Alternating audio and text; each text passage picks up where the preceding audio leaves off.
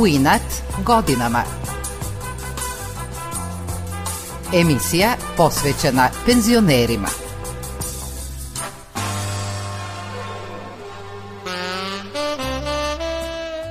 Subota je 8.10. Dobro jutro. Harizmatična novinarka i voditeljka programa na mađarskom jeziku Radio Televizije Vojvodine Hajnalka Buda u penziji je već tri godine. Kontakt emisija Halo TV koju je vodila i uređivala 33 godine bila je najgledanija emisija na programu televizije na mađarskom jeziku.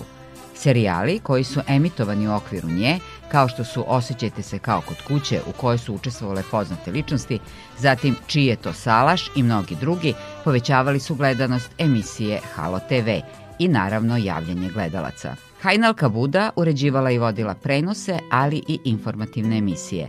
Ona je 8 godina bila na čelu televizijske redakcije programa na mađarskom. Naravno, iako u penziji ne miruje, novinarski adrenalin još radi. Ona već tri godine uređuje radio i TV emisiju na nemačkom jeziku Nemački minuti. Ta emisija okuplja mlade ljude željne znanja, a Hajnalka ih uči novinarskom zanatu.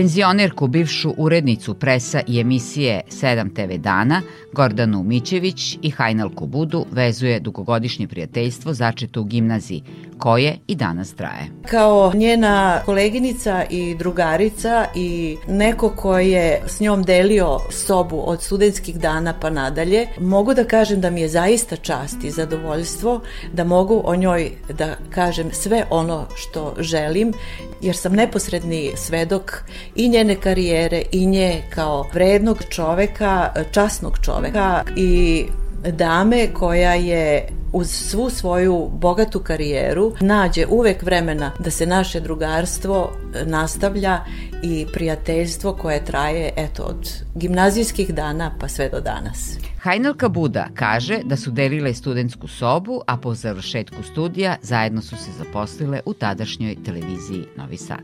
To je moja koleginica i najbolja drugarica Gordana Umićević s kojom smo zajedno počele da radimo u obrazovnoj redakciji. Ona je u početku bila sekretarica i asistentkinja režije, ja sam kao voditelj i mali reporter i odatle je ona prešla u preslužbu, pa zatim u filmsku redakciju, a ja u mađarsku redakciju, a smo ostale nerazvojne drugarice, imamo sijaset sjajnih uspomena. Hajnalka Buda nije maštala o tome da bude novinarka ili voditeljka. Njen san je bio drugačiji. Pravo da kažem, ja sam rođena u Kaću. Tata i ja smo rođeni u Kaću, mama i sestra u Novom Sadu. Bila je previše velika zima kad sam se rodila, previše snega, pa mama nije mogla u Novi Sad da dođe da se porodi. Ali e, stanovala sam širom Vojvodine jer je tata bio veterinar pa smo se dosta seljakali, no sve u svemu meni je žarka želja bila da postanem turistički vodič. Mama me nije pustila da idem u Dubrovnik na višu turističku i sestra me je dobro posavetovala da upišem strani jezik učenik, pa onda mogu da radim čak i to. Žurili su da završi fakultete Hajnalka germanistiku, a Gordana jugoslovensku književnost i da se zaposle na tadašnjoj televiziji Novi Sad, priča Gordana Umićević kao absolventi i kao studenti književnosti, bilo nemačke, bilo jugoslovenske književnosti, je bilo mnogo da se čita, da se radi, a mi smo bile mlade i lude, ali je Hajnalka bila vrednija od mene i onda me vukla za neke ispite opominjala i zaista hvala joj na tome. Ispalo je tako da smo otprilike istovremeno završile i fakultet i zaposlile se na televiziji. Gordana Umićević se seća da je tada prilikom zapošljavanja na televiziji Novi Sad bilo potrebno da se osim maternjeg jezika zna i neki jezik sredine. Ona nije znala ni jedan, pa joj je pomogla drugarica Hajnalka. Onda je ona meni rekla i po pomogla tako što mi je dala jedan tekst da naučim i da ga napišem i da ću to da idem da položim na mađarskom. Jer smo smatrale da je velika zamka ako napišem da znam slovački i rusinski koji su slični srpskom jeziku, da je najbolje nešto što je sa svim nešto drugačije. Ona je do te mere bila stroga da je recimo znala da me za zaključao u špajs i da moram da učim i nema da izlazim. Žurka kod nas se dešava, opet je došlo društvo, prave se topli sendviči, ja nemam pravo da izađem dok ne naučim tekst na pamet. Tako sam ja uspela da položim mađarski jezik i onda sam se zaposlila u svojoj redakciji. Hajnalka Buda se seća svog prvog nastupa u radijskoj emisiji u kojoj je učestvovala kao studentkinje germanistike kada je Novi Sad bio domaćin susreta novinara Jugoslavije. Tada, prvi put pred mikrofonom, imala je tremu. I tražili su studentkinje, studente da budu domaćini raznim izdavačkim kućama, tako je meni pripalo Delo i Slobodna Dalmacija. I tu se pojavio i Lazar Bojanović Zile, pozvao me u svoj Charmer Hall kao o, super budući turistički radnik i sve puštao sve najlepše pesme iz Italije, Španije i on mene pita pa kako ovo zamišljaš pa ka, a ja ćutim ko zalivena. Ja sam imala takvu tremu, tako, kako se to kaže, je jel to? A moji kod kuće sede i ja, očerka će biti na radio i džabe su slušali ja ni mukajeta. Međutim, kada je počela da radi, nije ni pomišljala na tremu, nego je počela da se bavi ozbiljnim temama. Krenula je tragom jednog oglasa u kojem je majka nudila bebu na usvajanje. Pronašli smo ženu koja se našla u nebranom grožđu jer je vambračno rodila devojčicu, bila je oterana od kuće, ocelila se kod nekog penzionera koji ju je trenutno prihvatio i uglavnom mi smo to propratili i čak i te ljude koji su je usvojili. To je bilo 1983. I oni su je tad nazvali Đenđika i tako se zvao i taj prilog. Hajnalka je napravila priču o tom slučaju.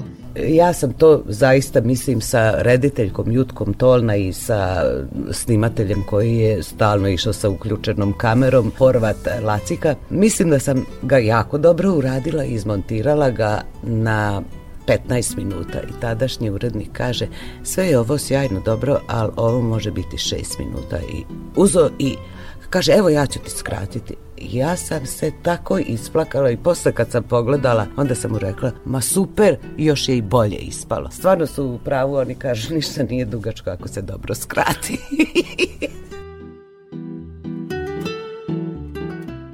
Hajnalka Buda ostaće upamćena kao voditeljka emisije Halo TV, koju nisu gledali samo oni koji su znali mađarski, nego i ostali. Plenila je gledaoce harizmom, opuštenošću i pozitivnom energijom. Meni je bilo drago da su mnogi gledali Halo TV koji baš i nisu sve razumeli na mađarskom. E, neki ljudi su me ovde u Novom Sadu i zaustavljali kaže pa čisto zato prebace da vide jer je toliko kulturno i lepo i ja se tako lepo smejem. Eto, dobila sam i takve komplimente Ja zaista sam gledala da tako biram goste, da oni budu i informativni, i edukativni i zanimljivi. I šarmantni normalno. I uvek sam smišljala neke zanimljive podserijale skandale. Hajnalka kaže da je emisija bila uspešna zahvaljujući ljudima sa kojima je radila, među kojima je najvažniji bio reditelj.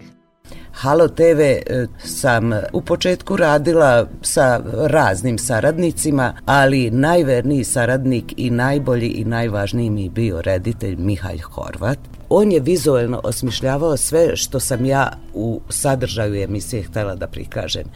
I ja gledam ovako njemu i pričam, kažem pa ti već montiraš u glavi, kaže da. I na terenu isto mi smo se sa vrlo malo reči sporazumevali, pogledam ja ili pogleda on i sve je bilo jasno. Tako da to je bila jedna vrlo korisna, lepa i zaista zapamćenje saradnja.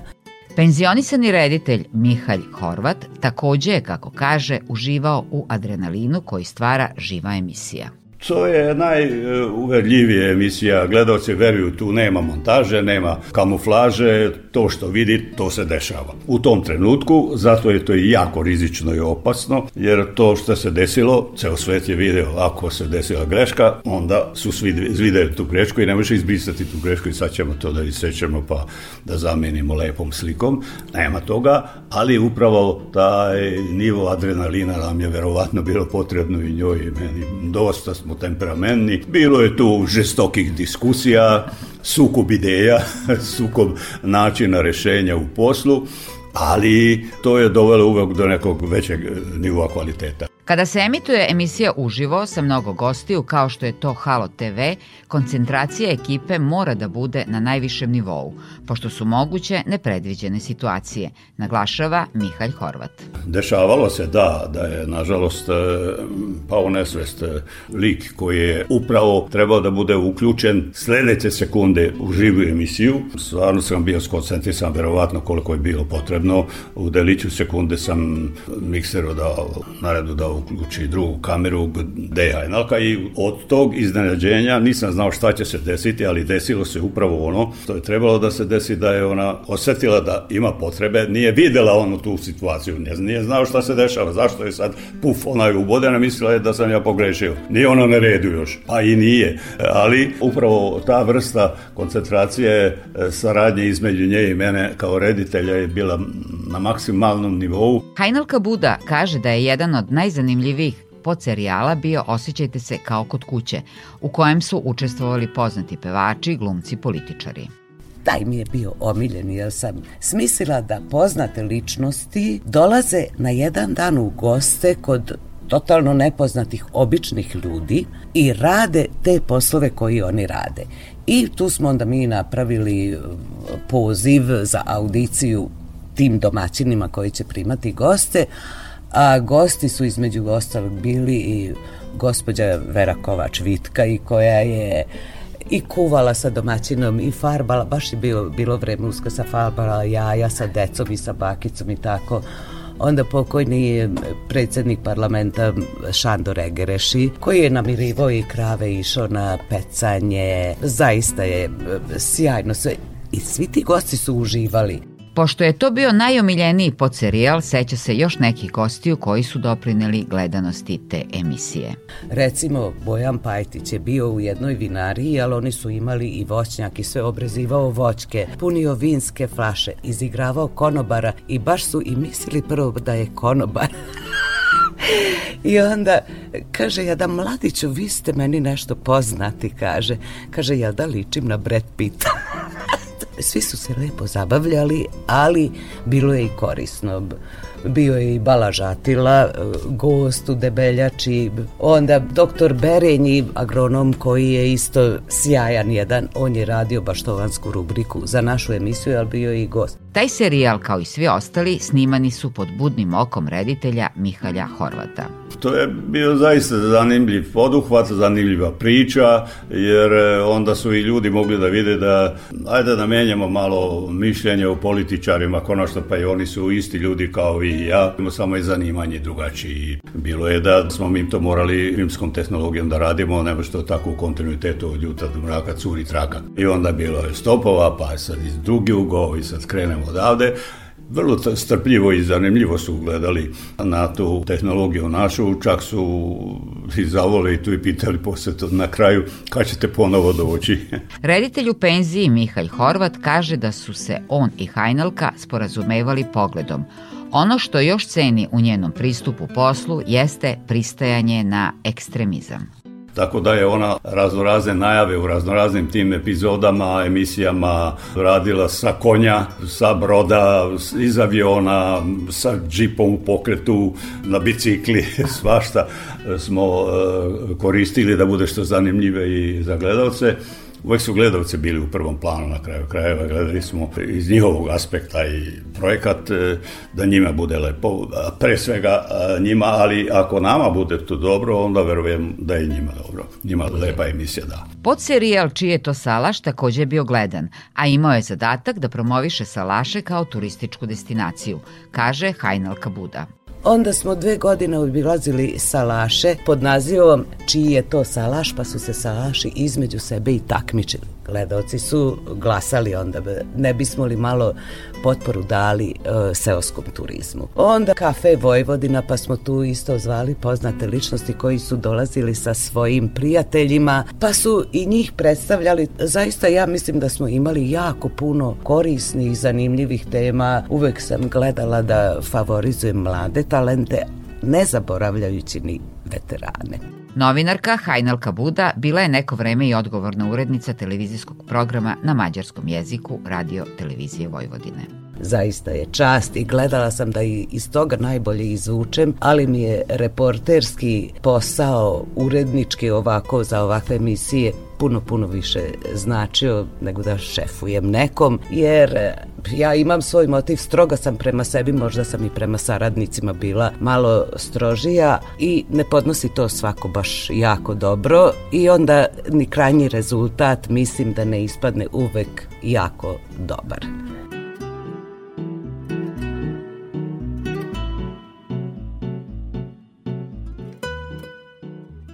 Hajnalkina najbolja drugarica Gordana Umićević kaže da je Hajnalka redovna gošća na njenoj krsnoj slavi.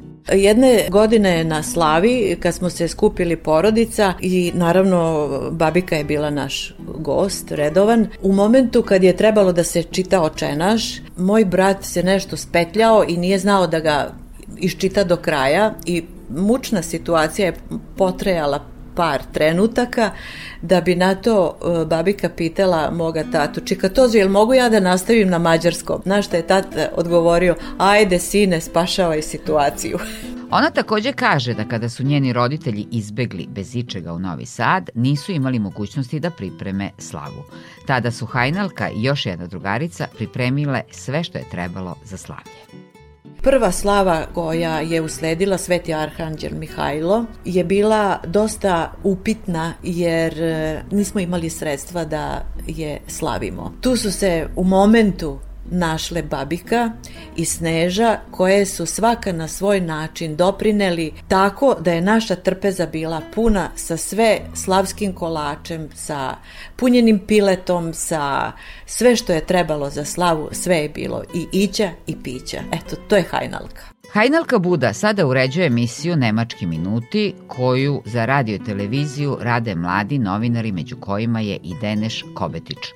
On je prve novinarske korake naučio od svoje urednice. Ja nikakvo predznanje na područji medije nisam imao i evo ona je imala poverenje u meni i ona je u suštini mene uz pomoć naravno kolege sve naučila i ono što je odlikuje jeste da ima visoka očekivanja, ali to kažem u pozitivnom smislu. Zato što ja bih rekao da imamo takvu dobru redakciju, da svi imamo visoka očekivanja i svi dajemo sve od sebe i ona još dodatno želi da izvuče to iz nas. Od kada radi u toj redakciji, Deneš Kobetić je i sam primetio da je napredovao.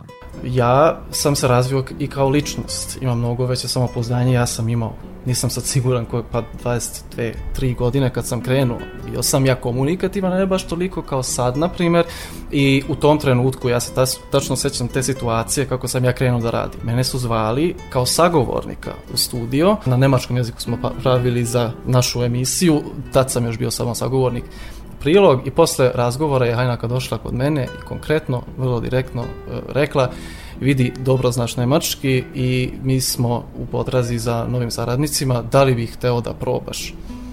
Ja sam pristao. Emisija je i gledana i slušana, kaže Hajnalka gostuju umetnici i stvaraoci iz Nemačke, Austrije, Švajcarske. Tako da zaista pravimo kvalitetne i divne emisije, nije da se hvalim, ali eto tako je. To je sad što je posle odlaska u penziju, zato se ne osjećam penzionerkom, a ispunjeni su mi dani, inače ja puno volim da putujem, putujem puno e, sa sestrom, koliko sad možemo, pa recimo širom XU, a ponešto je u Evropi, na letovanja malo Turska, malo Španija, a usput se bavim jogom, zdrav način života, ponirem u sebe i pronalazim ljubav u sebi prema svima ostalima. Eto, to je to.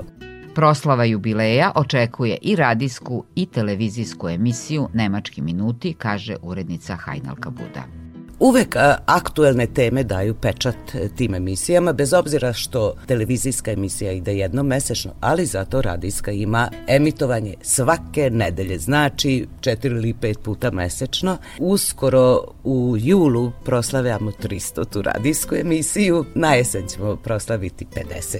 televizijsku emisiju i onda ćemo verovatno e, zvati u goste te ljude koji su najviše doprineli da ta emisija ima uspeha. Novinarka u penziji Hajnalka Buda i dalje aktivna u poslu nastavlja da niže uspehe, ali i da se svakodnevno čuje sa svojom najboljom drugaricom Gordonom Umićević.